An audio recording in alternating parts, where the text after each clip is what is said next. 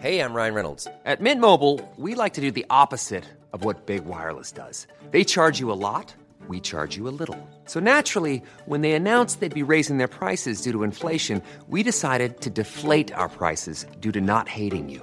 That's right. We're cutting the price of Mint Unlimited from $30 a month to just $15 a month. Give it a try at mintmobile.com slash switch. $45 upfront for three months plus taxes and fees. Promo rate for new customers for limited time. Unlimited more than 40 gigabytes per month. Slows. Full terms at mintmobile.com.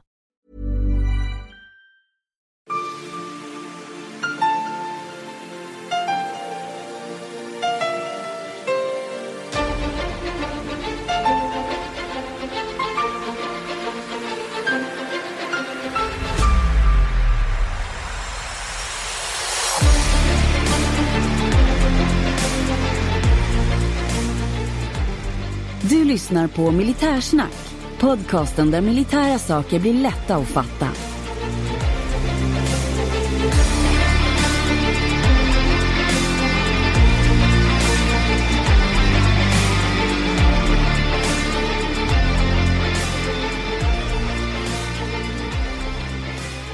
Ja, då har jag den stora glädjen ännu en gång att presentera ett nytt avsnitt av Militärsnack. Vi är nu inne på avsnitt 31 och idag ska vi presentera Vera Efron, författaren och Rysslandskännaren som är med oss på en intervju. Jag som pratar heter Henning Svedberg och på andra sidan internet sitter Löjtnant Andersson. Härligt, du är som vanligt lika välkommen som du hittills har varit alla 30 gånger tidigare. Tack så mycket. Jag känner mig synnerligen välkommen just idag. ja, det är bra, det är bra, det är bra. Ja, vad vet du om Vera Efron? Jag vet inte så mycket om Vera Efron och eh, det ska vi säga med att det här intervjun genomför ju du själv när jag är ute på eh, Vift. andra, ja vift i rikets tjänst. Mm. Men eh, vi har ju det här försnacket, så att säga introt tillsammans. Ja, så kan man göra när man har internet och inspelningsteknik till sin hjälp. Precis, precis. Mm. Vera har ju då gett ut ett antal böcker som eh, kretsar kring Ryssland och eh, militärmakt och underrättelse och liknande. Hon har ju till exempel gett ut boken Med sikte på Gotland som jag tycker är intressant ur den aspekten att det var ett, ett, teoretiskt hur det skulle kunna gå till. Men det vet vi nog nästan, nästan vet idag att det skulle inte kunna gå till på det sättet med det, efter vad vi har sett i Ukraina. Mm, mm. Men innan vi släpper på intervjun med Vera så tänkte jag bara, det är ju faktiskt fredag löjtnant. Det är det. Vad innebär det för oss? Fredag, det innebär ju att eh, det kräver sin dryck. Ja, Och eh, då är det ju öl som ska in på lodrätt 4. jajamän. Så är det. Det är lite lustigt, sa inte vi det i tror jag, första avsnittet att du inte gillar korsord och ändå har vi den korsordsreferensen som ständigt återkommande punkt. Den dyker upp då och då. Ja. Nej, men jag får väl eh, motvilligt erkänna att jag löser något korsord ibland. Mm. Det, det gör jag faktiskt. Mm. Så är det. På, på papper då med en penna. Ja. Ana, an, väldigt analogt. ja, du är ingen appkille. Nej, kan man göra det på det, det gamla sättet så är det mycket trevligare. Ja. Men eh, åter till ölen då, så får jag fråga dig vad du, vad du har i ditt glas. Jo, jag har en öl som jag första gången eh, när jag såg den tyckte den hade så pass vacker etikett. Jag är lite svag för sådana naturnära färger och här har vi då en tysk, det är Speziator Dunkel från Rigele som är en eh, väldigt maltig öl. Lite söt och smakar bröd, knäck, eh, lite aprikoser och kryddor och sådär. Och den passar enligt Systembolaget som både sällskapsdryck och till rätter av lamm och nötkött. Mm. Och kostar 24,90, ligger på 7,5 procent och är jäkligt trevlig både för ögat och för munnen. Låter ju fantastiskt. Ja, vad har du själv? Ja, nej, men jag går tillbaks lite grann till eh, det enklare sortimentet idag. Mhm. Eh, och det här är ju en öl som, eh, som länge fanns på tapp, alltså på olika ställen när de ville vara lite, ja men du vet ett vanligt, eh, vanligt restaurangställe. De kanske hade några enkla, de har ofta Norrlands guld och så här, Mariestads kanske. Och, men eh, då hade de ju Eriksbergs karaktär Ah, okej. eh, som de kallar för bärnstenslager. Mm. Eh, och, och så. Den finns på burk nu. Okej. Eh, och det här vill jag slå ett slag för. Eriksbergs karaktär 33 centiliters burk. Det är 5,4 procent, 12,90 på bolaget. Det är en mellanmörk lager av eh, Mersen Wienerstil. Just. Och lite grann som din smakbeskrivning där, det här är också maltig smak med inslag av knäckebröd, sirap, apelsin, örter, eh, säger Systembolaget. Mm. Och den här passar ju givetvis inte till vegetariskt. Nej men det är, ju, det är ju tur. Det är jäkligt tur det, för det äter vi ju aldrig. Nej, så Nej. är det. Nej. Ehm, nej men den vill jag slå ett slag för. Ja. Men är inte den där lite, ska säga, det är en Volvo-öl som man har hottat till lite, så det är lite som en Volvo 780 i den där ölen. Mm, precis, Bertone. Ja. Lite annan, ja exakt, lite annan design. Ja men det skulle man kunna säga. Ja men det, den, är, den är inte fel, den här, den här är trevlig. Ja, bra. Men jag måste ju fråga en annan sak nu eh, i dagarna här. Hur är det att vara stockholmare nu när det är så här vansinniga mängder med snö som kommer? Mm, jag är ju lite, ska jag säga, jag, hela min släkt är från Norrland, även om jag är född här så klassar inte jag mig som stockholmare. Det, men det var inte så du ställde frågan. Eh, stockholmarna, de har det väl lite bökigt just nu för här kom det ju en himskans massa snö igår. Men vi måste ju raljera lite kring det där. Men så här är det väl, det är ju varje år. Jag tänker att snökaos och snökaos, det finns så många olika läger i det, men framförallt så tycker jag media är helt dumma i huvudet som gör en grej av det här för att det, det blir ju verkligen att folk tror att folk i Stockholm är helt efterblivna eh, på grund av, av det här då. Men dels är det väl det med media att de förstorar upp det här så fruktansvärt mycket. Det är deras jobb, de får ju något att skriva och de får ju liksom göra skäl för sina pengar så att säga. Ja, men sen är det väl också så här att eh, i min värld, eh, så bor man i en större stad, då är det ju faktiskt, även fast man, de som bor där tycker ju inte det för de är så vana, men det är ju kaos även när det inte är snö. Ja. Det räcker ju att ställa sig på en sån här väg, det kommer ju ja, men, eh, hundratals bilar i minuten, det är cyklar, det är folk precis överallt och det är klart att gör man minsta lilla ingrepp i det där så Mm. blir det ju en störning och det blir det ju, alltså det är ju bilköer i Stockholm även en vacker sommardag. Ja. Snön ska bort, den ska bort från trottoarer, den ska bort ifrån eh, vägar, den ska bort ur stan. Det blir eh, ett antal lastbilar till som ska in i stan som inte var där innan det snöade. Så att, jo, Det är väl det här att det är som sagt, det är, det är ett organiserat kaos även utan friktion så att säga, utan snö. Ja. Ja. Sen lite också, det är ju, jag bor ju också i, i södra breddgrader om du frågar en, en norrlänning. Och det är ju så här att eh, förra lördagen var det 15 plus och nu kom det snö, eh, kom ett par decimeter och det är ju absolut ingen tjälad mark. Och det som kommer ner det är ju den här blötsnön, det är ju som, jag vet inte, lera, betong. Mm. Eh, Det är ju ingen lätt pudersnö på tjälad mark som man vevar bort lite försiktigt utan det här det är ju jäkligt jobbig snö att, hålla på och köra i. Mm.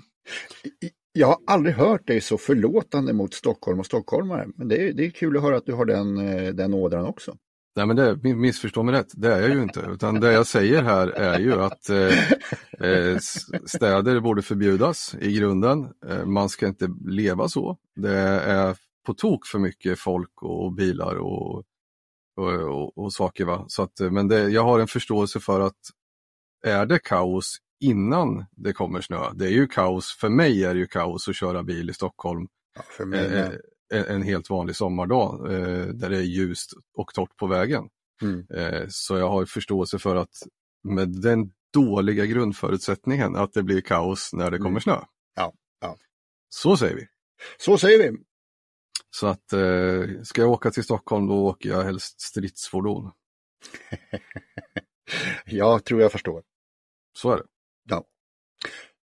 Ja, men nog om snö och nog om Stockholm. Vi ska väl ta och prata lite Ryssland med Vera tänkte jag. Det låter alldeles utmärkt. Ring Vera och gör din grej. Jag gör det så får du ha det så bra med det du gör så hörs vi efter intervjun. Det gör vi.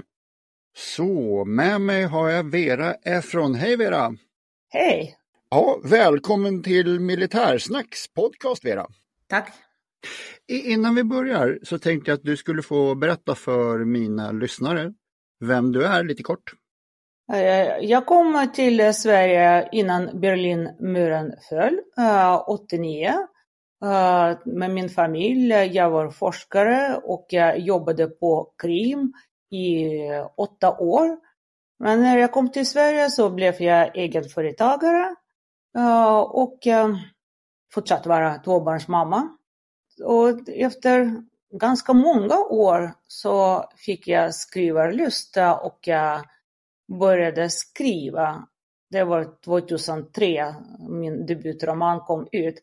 Efter det så jobbade jag som författare nästan på heltid. Mm.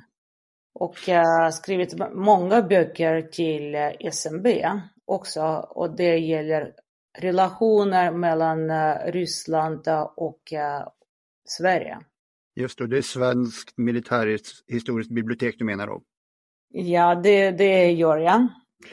Eh, du har gett ut en hel del böcker. All, allihopa sådana som på det jag har sett i alla fall handlar ju just om Ryssland av förklarliga skäl. Ja, det är det som jag kan. Jag kan ju Ryssland. Jag umgicks och umgås fortfarande med människor med olika bakgrund, med olika positioner genom maktsystem och känner väldigt många militära mm. och före detta militära och till exempel Spetsnaz som är väldigt, Spetsnaz GRU som är väldigt populärt ämne nu för tiden. Ja, verkligen. Ja. Det, det, är många som frågar varför, varför jag har sådana uh, eh, vänner och bekantskap, men jag kan ju säga att det, så, det är så enkelt. Under 90-talet när jag jobbade som företagare i Moskva, uh, under de vilda 90-talet, så blev jag hotad flera gånger och då anlitade jag som bodyguards uh, soldater Okay. De var ju arbetslösa, de hade eh, ingen lön från staten, staten föll sönder. Mm. Uh, det var uh, kaos i landet uh, och de grabbarna de var väldigt bra på att tjäna som bodyguards. Så då okay. blev min första bekantskap. Okej, okay. okay. ja, jag förstår. Eh, du har ju precis nu, nästan i dagarna kan vi säga, gett ut en ny bok. Vad handlar den om? Eh, boken heter Kriget i Ukraina, Rysslands uppgång och fall. Eh, som undertitel. Jag tycker att ett land som anfaller något annat land kan räknas som aggressor. Och vi vet ju alla vad som kan hända med aggressor. Det är ett väldigt bra exempel, det är Hitler. Det, mm. När andra världskriget, första världskriget, det visar, visade oss att uh, kriget kan sluta bara på ett enda sätt. Nice. Alltså det är med att uh, aggressorn ska besegras. Så jag tycker att uh, det som händer nu, det är Rysslands nedgång och fall. Tyvärr. Mm. Ja, men eh, om man då vill köpa din bok, eh, var hittar man den? Ja, det säljs via eh, SMB Pennan och svärdet. Eh, så jag skrev på Uh, jag, sk jag, skrev bara för dem. Så det finns inga i vanliga bokhandel uh, eller på nätet. Okay. Så det är bara att vända sig till Pennan och svärdet. Eller, Om jag inte minns fel så är det smb.nu. Ja, du skrev ju, var det 2014 så skrev du i huvudet på Putin, eller var det 2017, förlåt? 15. 15? ja. Efter, eh, efter eh, boken eh, Baltikum nästan, jag var faktiskt Eh, på Krim under eh, den här eh, erövring som man kallas, kallar det nu, men som jag kallade Operation Krim i, mitt, i min intervjubok.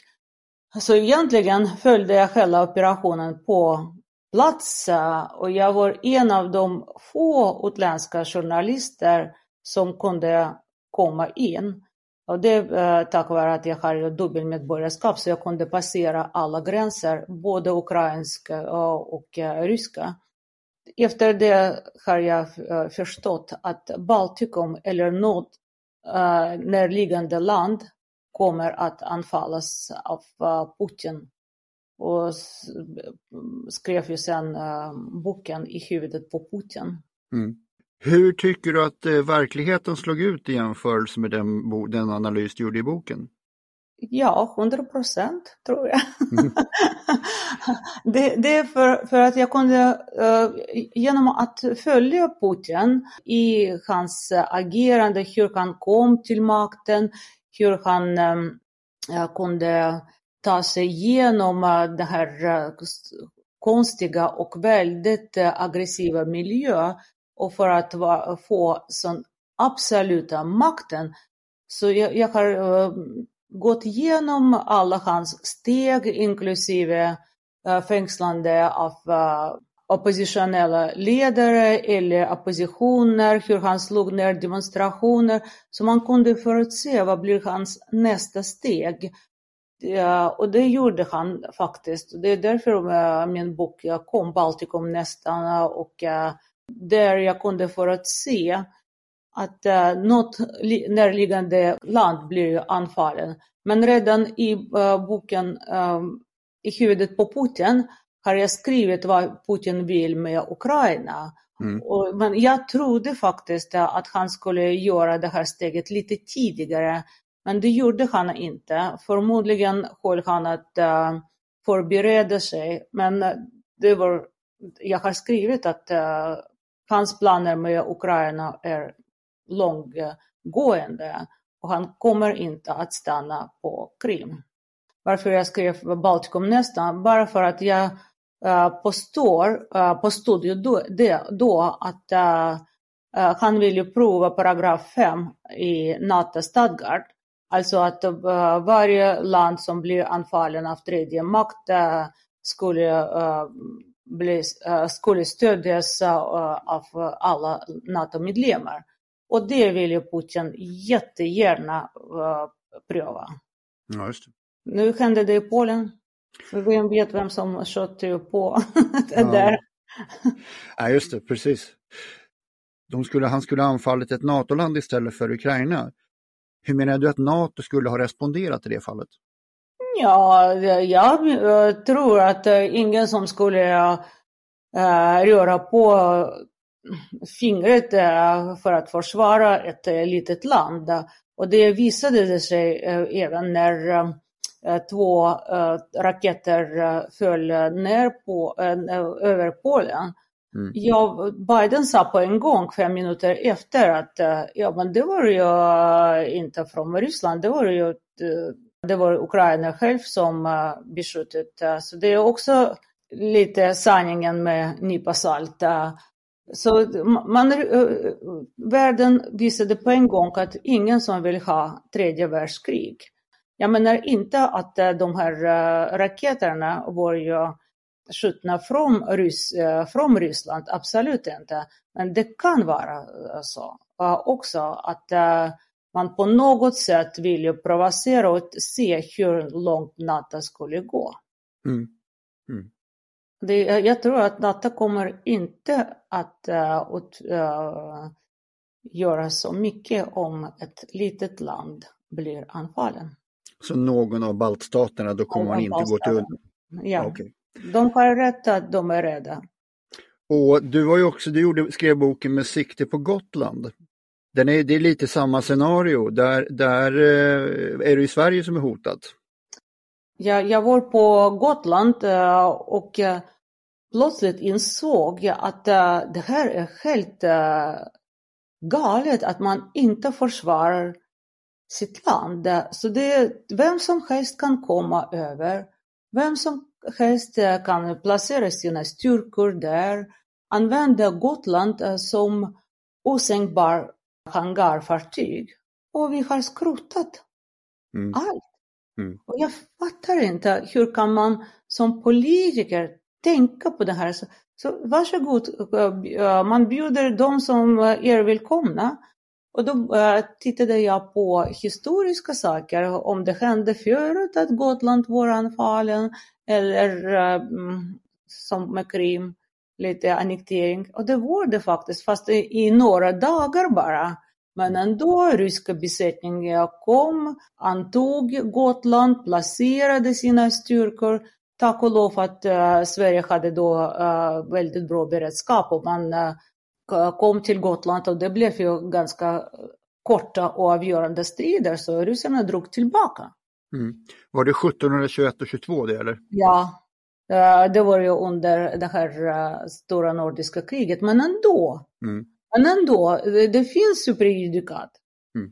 Vera, du har ju väldigt stor insikt i spioneri och vad det gäller Ryssland, Sverige. Hur, hur, hur kom du in på det här? Det är efter att ha kommit med, med min första bok, biografibok, som hette Aktiebolaget Rysk Roulette, så tänkte jag att det skulle vara roligt att fortsätta med bokförlagets verksamhet. Mm.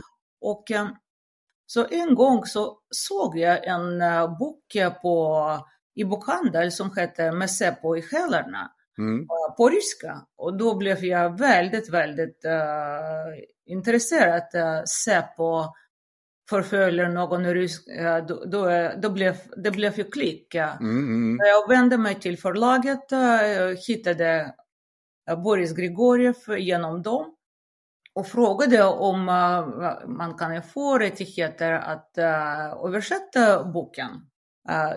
Han blev lite tveksam först, men sen tyckte varför inte, det har gått mer än 25 år och det skulle bli preskriberat. Mm.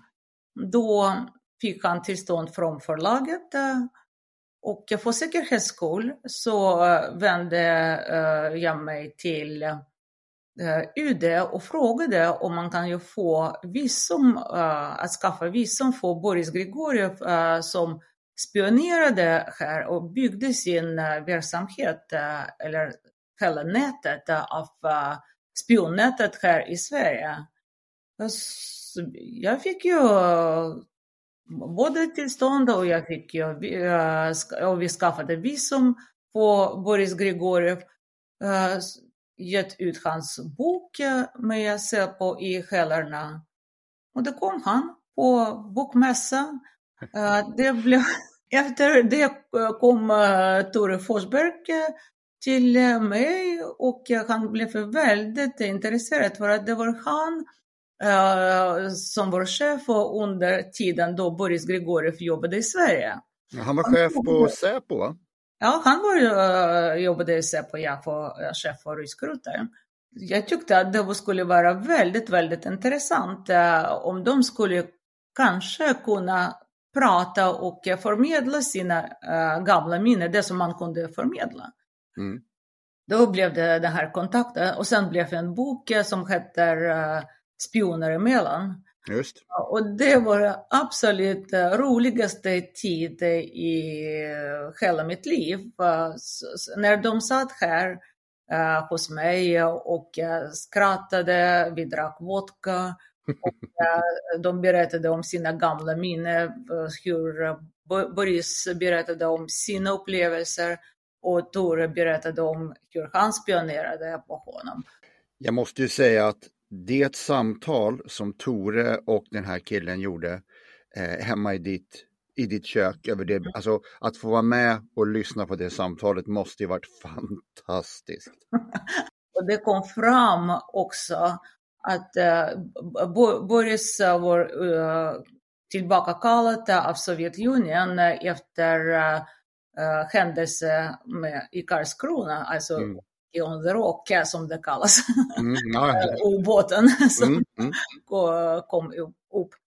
Uh, han blev ju avslöjad uh, som uh, rysk officer och då blev han tillbakakallad av mm. rysk underrättelsetjänst. Mm.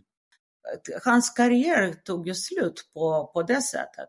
Mm. Men 25 år senare så fick han veta att det var det absolut bästa som hände för honom. För att skulle han bli avslöjad av, av Säpo här, då är det inte bara slut på kar karriären, det skulle bli kanske avslutas på ett annat sätt. Jag förstår. Hårdare straff. Mm. Men på det sättet blev jag uh, känd med Tore Forsberg och Boris Grigoriev. Mm. Den ledde det till uh, att vi, uh, jag och Tore vi blev uh, goda vänner och han inledde ledde mig till andra människor som han jobbade med, svenska underrättelsemänniskor. Och det, det blev ju själva spionserien sen som vi skrev på SMB, mm. så det uh, gjorde för SMB 10 band. Mm. Uh, och vad gäller det här paret uh, som togs av uh, Säpo igår, och det var stor skandal, så att hitta illegalister som Tore Forsberg skrev, det är att, som att leta efter nål i gödsel. Mm det är väldigt, väldigt svårt. Mm. Att de har lyckats, då visar det sig att de jobbar väldigt, väldigt bra. Mm. Och uh, då litar man på att uh, Säpo gör ett bra arbete. Eh, tror du att bort, de flesta länder har ju redan färdiga krigsplaner, det måste man ju ha, både defensivt och även offensivt i vissa fall. Hur långt gångna tror du att planerna har varit och varit genomtänkta för ett anfall mot Sverige från rysk sida? Det, det här frågan uh, har jag ställt till alla militära som jobbade både på underrättelsesidan och på uh, militär, högmilitärsidan och på regeringens sida, då, uh, dåvarande regering. Och alla bekräftade för mig uh, att det, det var absolut inga planer för att anfalla Sverige. Däremot i, inom ramen för ett stort krig, alltså som andra världskriget till exempel, mm. då skulle man använda sig av uh, Sverige som brohuvud. Mm. Och, och det, det var det sådana planer, uh, för att när jag skrev boken med sikte på Sverige så tog jag upp faktum att allt som hände i Sverige hamnade på Andropovs bord. Andropov var både KGB-chef tidigare, men sen blev han eh, en eh, generalsekreterare för partiet, alltså landets eh, överhuvud. Förut hade man inga presidenter. Så då hade han Sverige under sin kontroll. Mm. Och då är det frågan varför?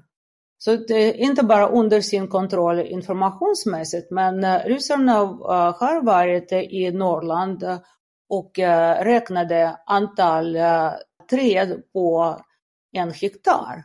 Och man kanske undrar, ja, går och räknar antal träd, skogstäthet, och varför det? Jo, det är för att räkna på framkomlighet. Mm. Och då tänkte, tänkte jag att det var ju ganska närgående uh, planer. Men vilka planer, det vet vi inte. Nej. Det, det, var inte så att man tänkte anfalla bara Sverige, absolut inte. Så Sverige som ett land, det, var, det ansåg eh, eh, vara som ett brohuvud till, jag tittade på eh, de gamla kartor som man, spelkartor som man övade i krigsspel och det var det som en pilar genom Sverige ner till Europa. Så sådana planer var. Och det är därför man räknade skogstäthet och framkomlighet. Uh, så, så, det är därför. Men anfalla Sverige bara för att anfalla Sverige, det var uh, inga planer alls. Okay, okay. Många är rädda att Ryssland ska använda kärnvapen i Ukraina-konflikten. Vad säger du om det? Uh, jag, jag, tror faktiskt att nu det började bli lugnare så uh, men det var sådana skrikande och gapande även från Eh, ryska massmediesidan. Jag, jag läser det, jag tittar på ryska tv. Så det, eh, det, det, det är många som eh, säger att man ska prova eller pröva taktiska kärnvapen och det är det som är farligt, alltså sådana tankar, bara tankar gör mig rädd också. Så jag vet ju uh, hur det kan ju hända sen. Ingen som vågar, jag, jag tror inte att om Ryssland skulle använda taktiska kärnvapen skulle USA besvara det. Jag mm. tror inte på det. Så det skulle bli ett stort kärnvapenkrig om ingen som vet i vilken tillstånd ryska kärnvapenspetsar uh, är, uh, vad de ligger, även om det finns information, men det är inte hundra procent, vi vet inte. Nej, nej. Och det är det som är väldigt, väldigt farligt. Mm. För den ryska doktrinen säger väl att de, de ger sig själva rätten att använda kärnvapen om de blir anfallna. Tror du att de kan säga att de är anfallna om Ukraina börjar återta Krim? Ja, absolut. Och, eh, det heter Gerasimov-doktrin. Jag skrev om det i boken Med sikte på Sverige. Eh, då, då man, eh, 2005 tror jag, ändrade man på doktrinen och efter det, det började retoriken ehm, förändras. Jag menar att då började man vänja sig att utifall att vi eh, behöver även i preventiva medel. Alltså man behöver inte ens eh, enligt doktrinen eh, bli anfallen av främmande land eller främmande makt.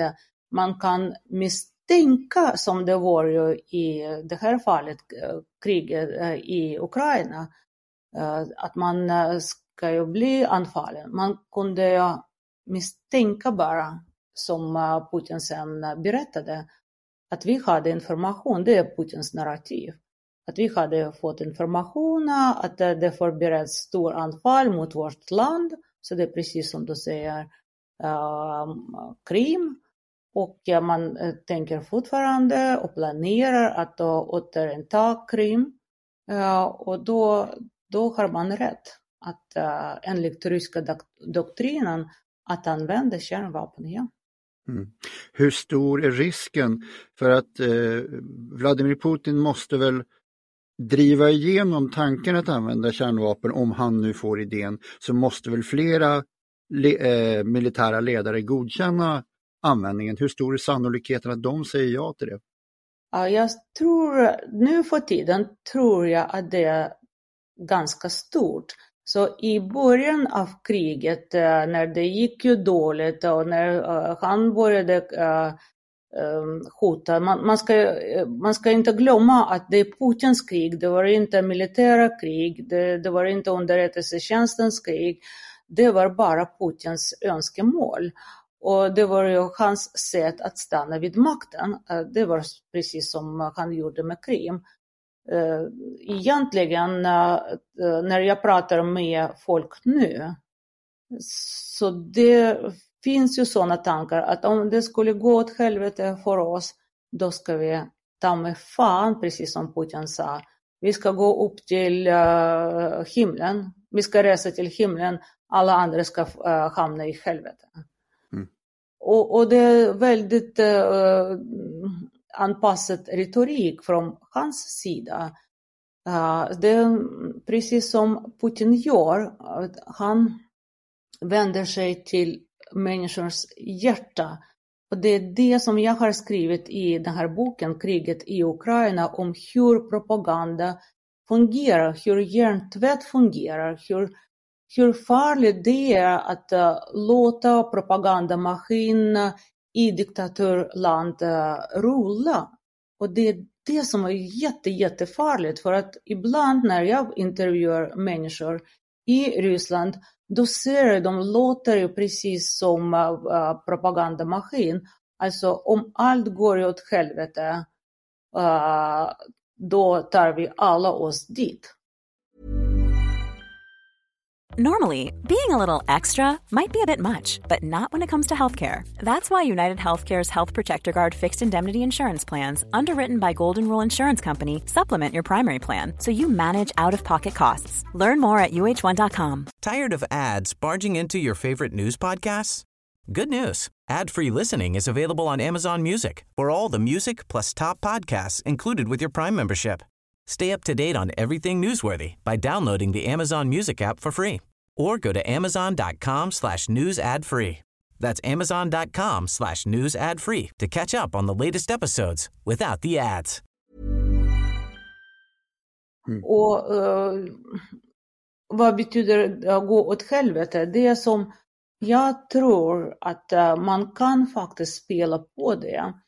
Att man kan ju på något sätt eh, fortsätta med fredsförhandlingar för att tillfredsställa människornas behov av att eh, eh, känna sig nöjda. Så det, det är så farlig situation nu det var precis som under äh, kalla kriget, äh, Kennedy Khrushchevs äh, fall, det här äh, Kubakrisen. så även då när eh, Chrusjtjov stod eh, i talarstol och bankade med eh, skor på talarstolen, även då hade man förbindelse och förhandlingar mellan USA och Sovjetunionen.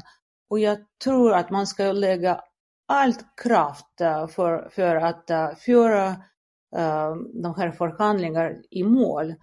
Och det som Putin påstår hela tiden, att han uh, för inte kriget mot uh, Ukraina i Ukraina. Han för kriget mot NATO i Ukraina. Och det är det som han vänder på. Så återigen, det är så propaganda fungerar. Så det är ingen som pratar om att eh, det är Ryssland som anföll Ukraina. Man ser att uh, nu är hela världen emot oss. Mm. Och uh, då ska vi försvara oss med alla medel. Ja. Men det här tror alltså gemene ryss på? Ja, inte alla. Det finns ju de som har redan stuckit iväg. Jag har ju flera vänner som har stycket och lämnat landet. Jag har flera som kan prata mellan raderna eh, som vi har eh, vant oss under Sovjettiden och under diktaturstid. Men det finns ju de speciella unga eh, som tror på Putin. De blev ju uppfostrade med hans nya propaganda och de var ju nöjda med honom. De, de, flera, de flesta var nöjda med Putins um, politik. Eh, det är det som jag skrev i boken eh, Kriget i Ukraina, att Rysslands uppgång, så det, för det första gången efter kanske halvsekel, alltså mer än 50 år, så ryska folket började leva på ett någorlunda bra sätt. Eh, under eh, 70 och 80-talet eh, då var det depression i Ryssland, landet var på nedgång, vi hade långa matköer, det var inga matvaror i butiker, landet var väldigt, väldigt fattigt. Sen kom 80-talet, kom perestrojka, det blev ännu värre för folk. Det enda som vi fick det var yttrandefrihet. Men man kan ju inte bli mätt med orden, man kan ju bli kanske tillfredsställd. Men om det inte händer någonting, om man bara pratar, pratar, pratar utan att brödet kommer på matbordet, då blir folk missnöjda igen. Och det är precis det som hände, Sovjetunionen föll. Och då när det här stora kolossen Sovjetunionen kollapsade, då blev det kaos. Och kaos förblev under tio år. Folk blev ju trött på demokrati, på perestrojka, på kaos. Eh, människors liv eh, kostade ingenting. Det blev ju eh, sån skjutning som vi ser nu i Sverige, så det är bagatell som det sköts då i Sovjetunionen. Och det var då jag uh, blev ju tvungen att anlita den här spetsnas Bodyguard. Uh, så det var farligt att uh, vistas eller uh, driva affärer i, i, i, i Ryssland. Mm. Och när Putin kom, då slutade han med terrorism i landet. Då slutade han med att kriga. då slutade han med kaos. Det blev ordning och folk andades ut. Mm. Oh, äntligen. Men, men det här då, eh, om man säger, så måste ju, trots att han är populär i, i att ha fått ordning på, på Ryssland, så måste väl ändå hans popularitet ifrågasättas när man får rapporter ifrån hur det går i kriget i Ukraina. Det ifrågasattes eh, på en gång när han startade kriget. För att, eh, som man kan säga, socialkontraktet mellan Putin och eh, folket, det blev ju alltså, ungefär så att jag får ju driva politik och ni får jobba, få bra löner, kö- köpa bilar, åka utomlands. Ni lägger er inte i politiken. Ja. Så det är därför eh, det var ganska lugnt med valfusk och allt. Eh, Så folk blundade för uh, odemokratiska sätt att regera. Mm. Men när kriget började, då förstod folk att det här har vi inte kommit överens. Nej. Det, det är inte vårt krig, det är alla som ser. Även de som står på Putins sida, det är, även de ser att det är inte vårt krig. Det är Putins krig. Det är tydligt och klart. Och då började folk protestera, men det blev ju för sent. Mm. Det blev ju för sent. Nu, så fort man börjar säga någonting, då är det eh, långa fängelsestraff eh, eller eh, höga uh, böter. Riskerar han sin ställning med det här kriget? Ja, självklart eh, gör han det. det.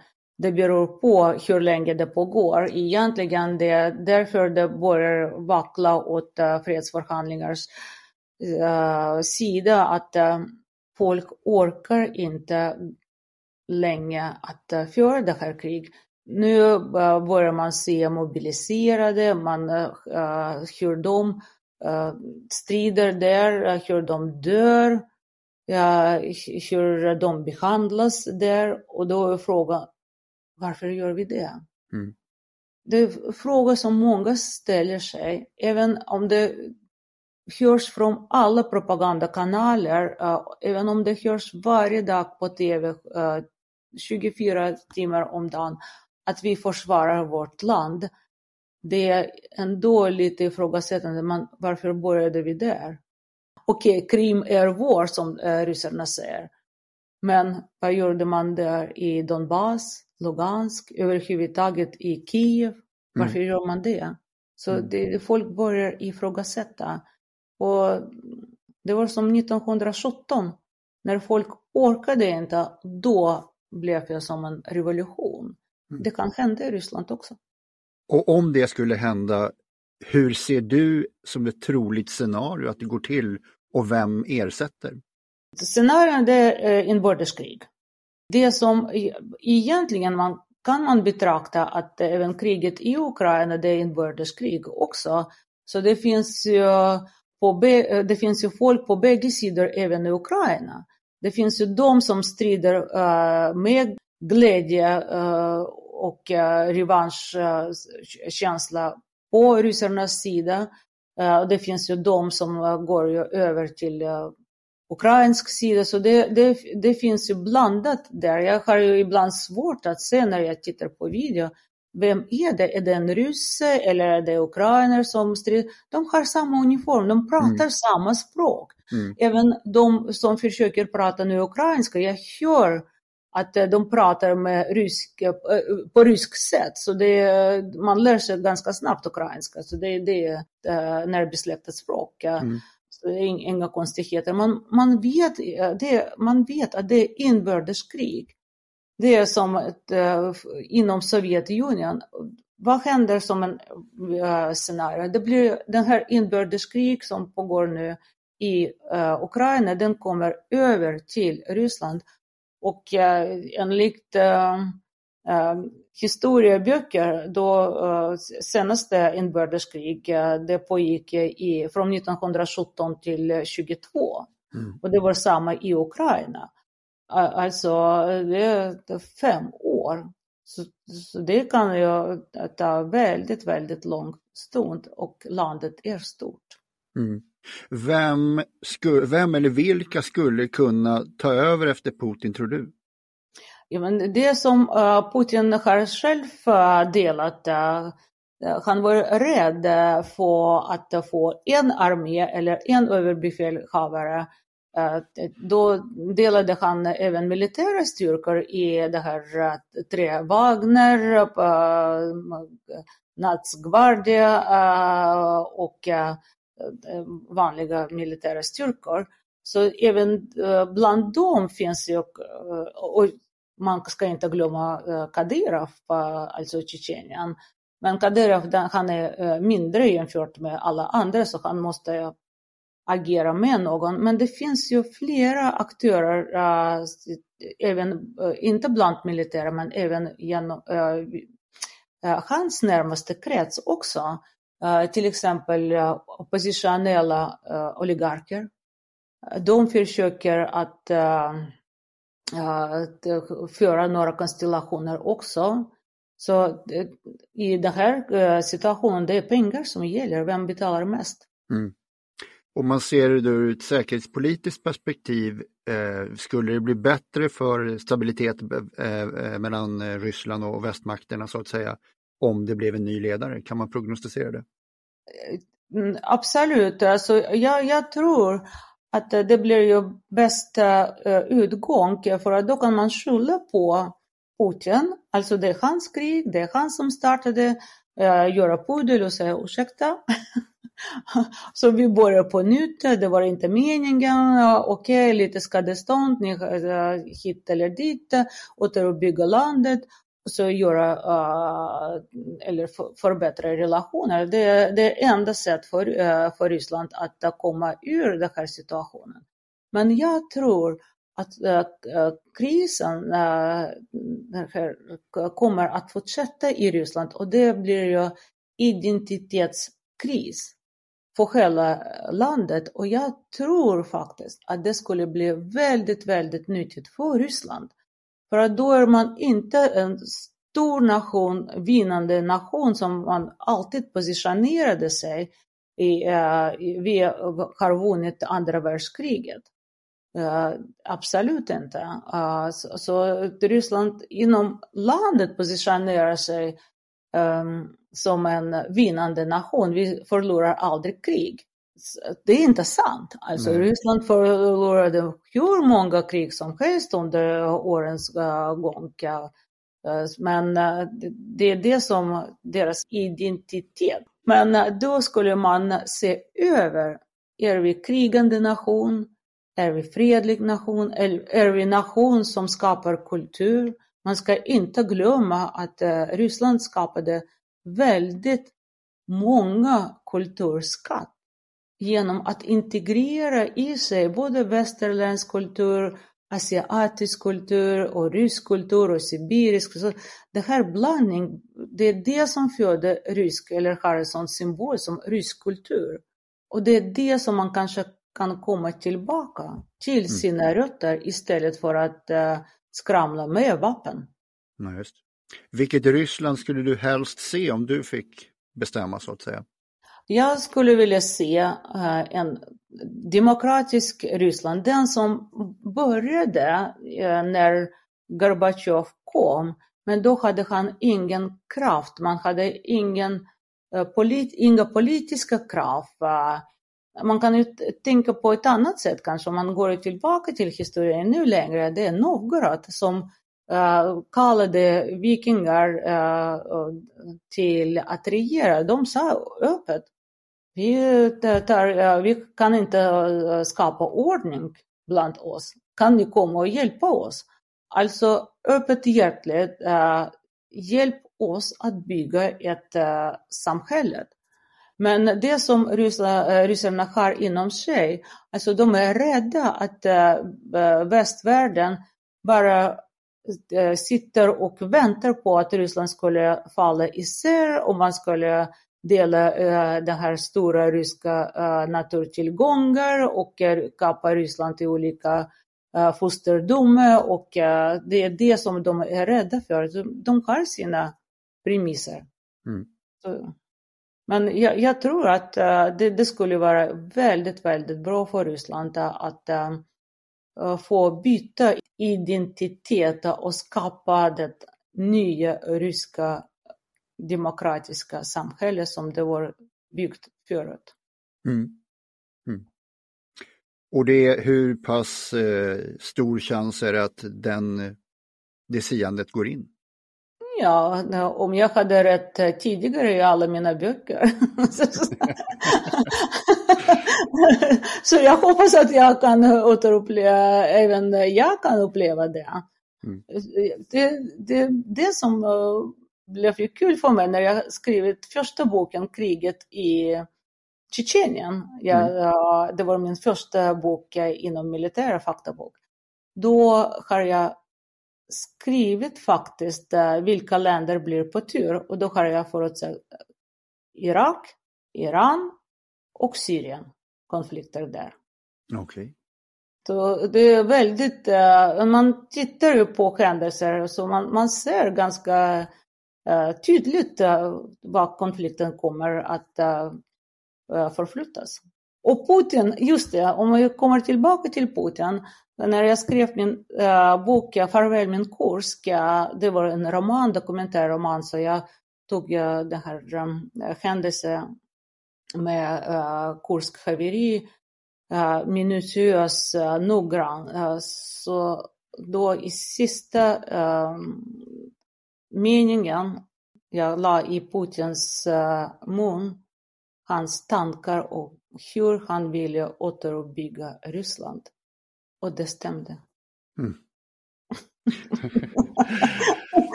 så, så, jag hoppas att jag ser även nu och att uh, Ryssland kommer att uh, byggas upp som ett demokratiskt samhälle. Mm. Ja, jag får ju hoppas att, eh, att, du, att du får rätt där.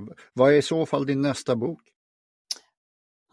Det som jag håller på med det är om uh, Alexandra Kollontaj. Det hon, det var, uh, hon var den första ambassad, kvinnliga ambassadör uh, och hon arbetade i Sverige under 30-talet och det är hon som hjälpte till att skapa fredsförhandlingar med Finland. Både finska vinterkriget och 43-44. Mm. Det är hon som jobbade mm, så hårt för att få fram fredsförhandlingar. Och det finns ju så många paralleller med dagens situation mellan uh, det som var då kriget mellan, uh, med Finland och nu med Ukraina. Det är bara lite uh, olika dimensioner. Men annars det är precis samma principer, precis samma tänkande, precis samma utveckling. Så jag hoppas att uh, det kan ge perspektiv. Och sen hoppas jag att jag ska skriva om fredsförhandlingar i kriget i Ukraina. Det hoppas jag verkligen att göra. Ja. ja. Är det någon fråga du tycker att jag har glömt att ställa dig? Ja, det är uh, hur jag samlar material eh, och uh, jag har skrivit om Spetsnaz och, och jag har skrivit uh, alla mina militära böcker, alltså varifrån, varifrån jag tar uh, den här informationen. Alltså, uh, jag, jag uh, blev ju bekant och jag även fick goda vänner bland före detta militära inom spetsnaz, inom andra militära styrkor. Just när jag jobbade i Moskva på 90-talet och behövde bodyguard. Eh, vi har blivit vänner för livet. Eh, de är pensionerade nu. Men de har sina kanaler, de tänker ju på samma sätt eh, som Rysslands militära, nuvarande militära. Så jag, varje gång jag skriver någonting så jag vänder mig till dem och jag frågar varifrån jag kan ta information, eh, vilken information är säker, eh, vilka källor ska jag vända mig till? Vem som jag ska intervjua? Om jag vill, precis som efter operationen i, i Krim, om jag vill intervjua någon som deltog eh, i operationer, då kallar de in sina unga medarbetare, inte bara veteraner, men unga medarbetare och de berättar för mig eller ger mig intervju som jag litar på. Ja, Vera, har du några avslutande ord? Uh, som avslut vill jag säga följande. Konflikt kan uppstå uh, som en följd av, uh, när kriget uppstår som en följd av konflikten. konflikten kan aldrig vara en partners, en, ha en, en partner. Konflikten det två parter som inblandade. Så om man vill ju undvika krigande, då skulle man egentligen sätta sig vid förhandlingsbord och prata med varandra istället för att hota varandra. Det är precis det som hände med äh, kriget i Ukraina. Alltså två parter, Ryssland och NATO.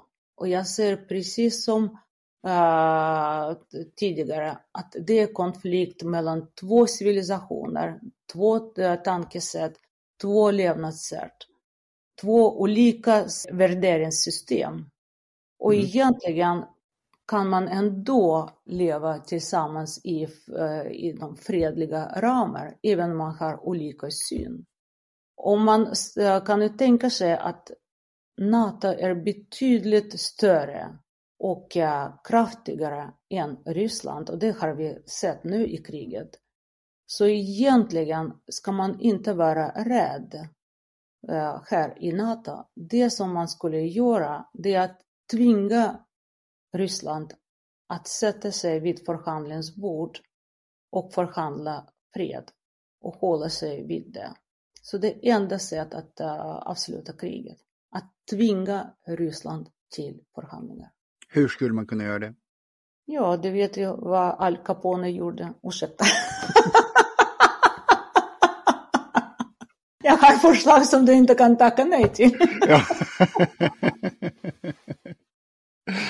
ja. Vad skulle det förslaget vara? Har du någon idé?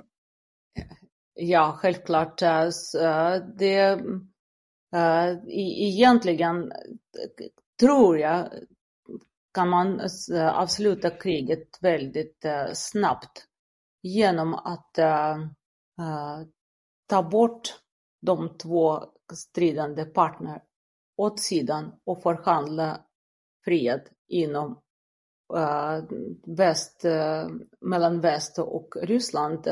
Jag, jag, menar, Ukraina det är inte en partner inom fredsförhandlingar. Ukraina stöds nu av hela världen då ska man sätta sig, eller tvinga Putins representanter att uh, sitta vid matbordet, dricka vodka mm. och förhandla, Putin dricker inte, och förhandla freden. Det är mm. enda sätt. Det finns inga andra.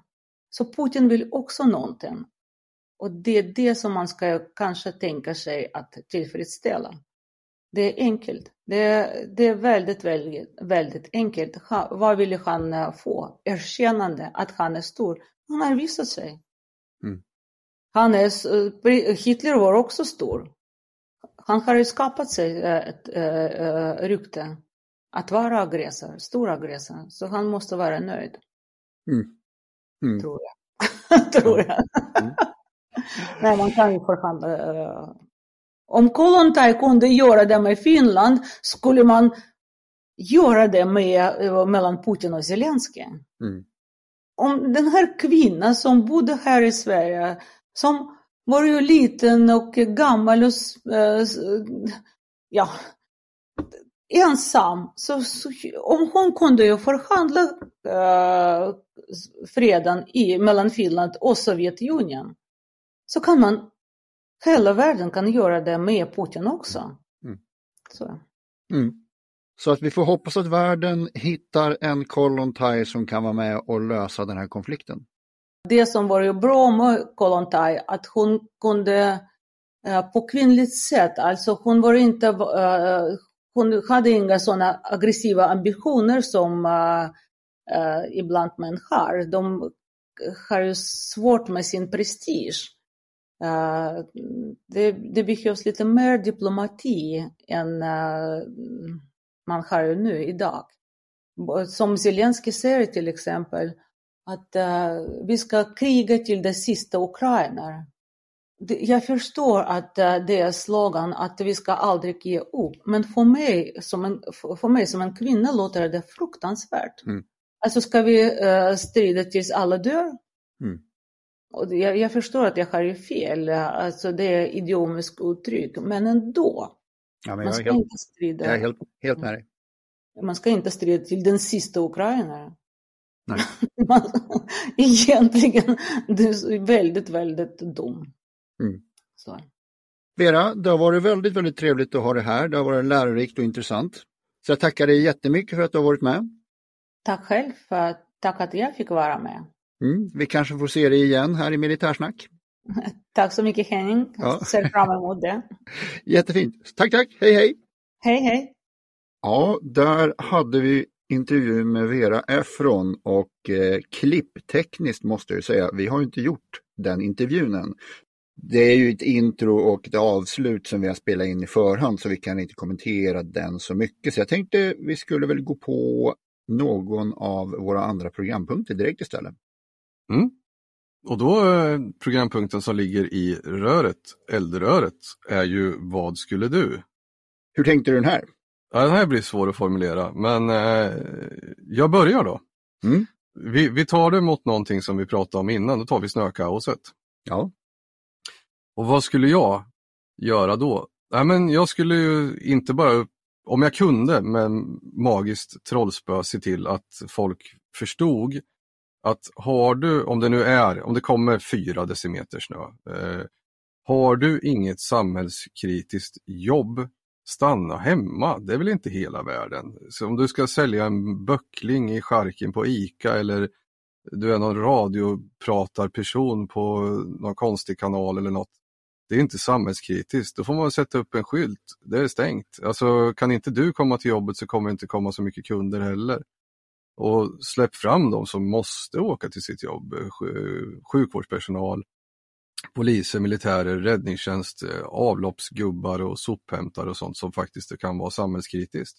Eh, det skulle jag se till. Och att, men liksom att folk måste ju fatta det. Det gäller ju både i kris och, och krig och snökaos. Då, då Sen är det ju så här med att klarar man sig inte hem, man kan ju tycka då, men jag har inget samhällskritiskt jobb men jag måste gå och handla eller jag måste göra ditten och datten. Då har man ju gjort fel. Vi ska ju ha en krisberedskap hemma som gör att vi klarar x antal dagar med både information, värme, vatten och mat. Så måste mm. man Måste man åka och köpa en låda sushi eller vad det nu är, då har man ju gjort fel. Mm. För när det börjar bli dags, då är det för sent. Då är det för sent. Mm.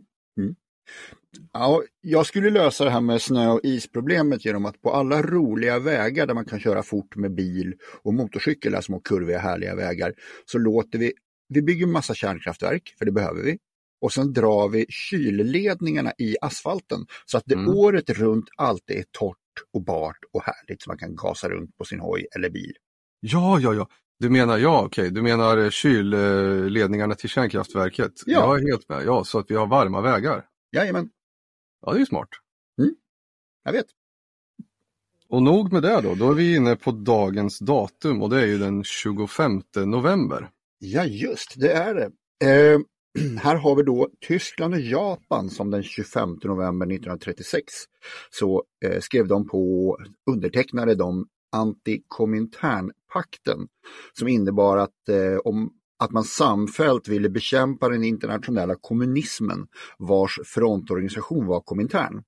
Och det här anslöts även fascistiska Italien 1937. Efter Nazitysklands anfall på Sovjetunionen i juni 1941, alltså operation Barbarossa, så var det viktigt av propagandaskäl att få med så många länder som möjligt i den här pakten. Då. Så att eh, vissa länder hamnade då i beroendeställning till Tyskland och Japan och de sattes på press att gå med. Exempelvis då eh, Italien som jag nämnde, Ungern, Spanien, Bulgarien, Kroatien, Danmark, Finland, Rumänien och några, några till. Och paktens upphovsman var den blivande tyska utrikesministern Joachim von Ribbentrop. Mm. Spännande. Ja. Du, vi har ju lite små projekt lite här och var och nu har vi ett spännande projekt, åtminstone i vår värld tycker vi det. Vi mm. har en kul grej på gång. Ska du berätta för våra lyssnare vad det är vi håller på med? Ja, men det här är ju lite unikt eh, i sitt slag, vad jag vet i alla fall, eh, i, i poddvärlden. Nu känner inte jag mig som del av poddvärlden men då är jag väl där, både du och jag då. Mm. Eh, vi tänkte ju faktiskt i december köra lucköppning, eh, Militärsnacks adventskalender Mm. eh, och öppna en lucka om dagen första till 24 december. Mm. Och vad som finns i luckan, det, det märker ju folk då, då. Men då kommer de kunna lyssna på våra, våra härligt mjuka radioröster eh, 24 dagar i rad. Det är tanken. Och det, man, gissar man att det inte är tofu, eh, paddelteknikstips eh, och eh, klungcykling i luckorna så har man gissat rätt. Mm, precis, inget vegetariskt. Nej, det är någon, annan- någonting annat. Ja, med de orden löjtnant, har vi ett avsnitt? Det har vi. Det har vi. Ja, vi vill också påpeka och påminna att vi har ju vår Facebook-sida där man kan gå in, gå med och se lite mer vad som händer och vad vi gör. Mm. vad som står på. Jajamensan. Och Ja. skicka gärna in eh, frågor via mail. militarsnack gmail.com. Just. Ja, då tackar vi för oss va? Det gör vi. Tack så Bra. mycket. Hej hej! Hej då, hej då.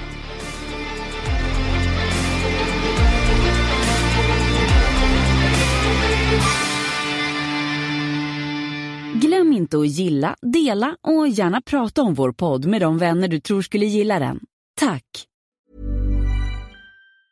Tired of ads barging into your favorite news podcasts? Good news. Ad-free listening is available on Amazon Music for all the music plus top podcasts included with your Prime membership. Stay up to date on everything newsworthy by downloading the Amazon Music app for free or go to amazon.com slash news ad free. That's amazon.com slash news ad free to catch up on the latest episodes without the ads.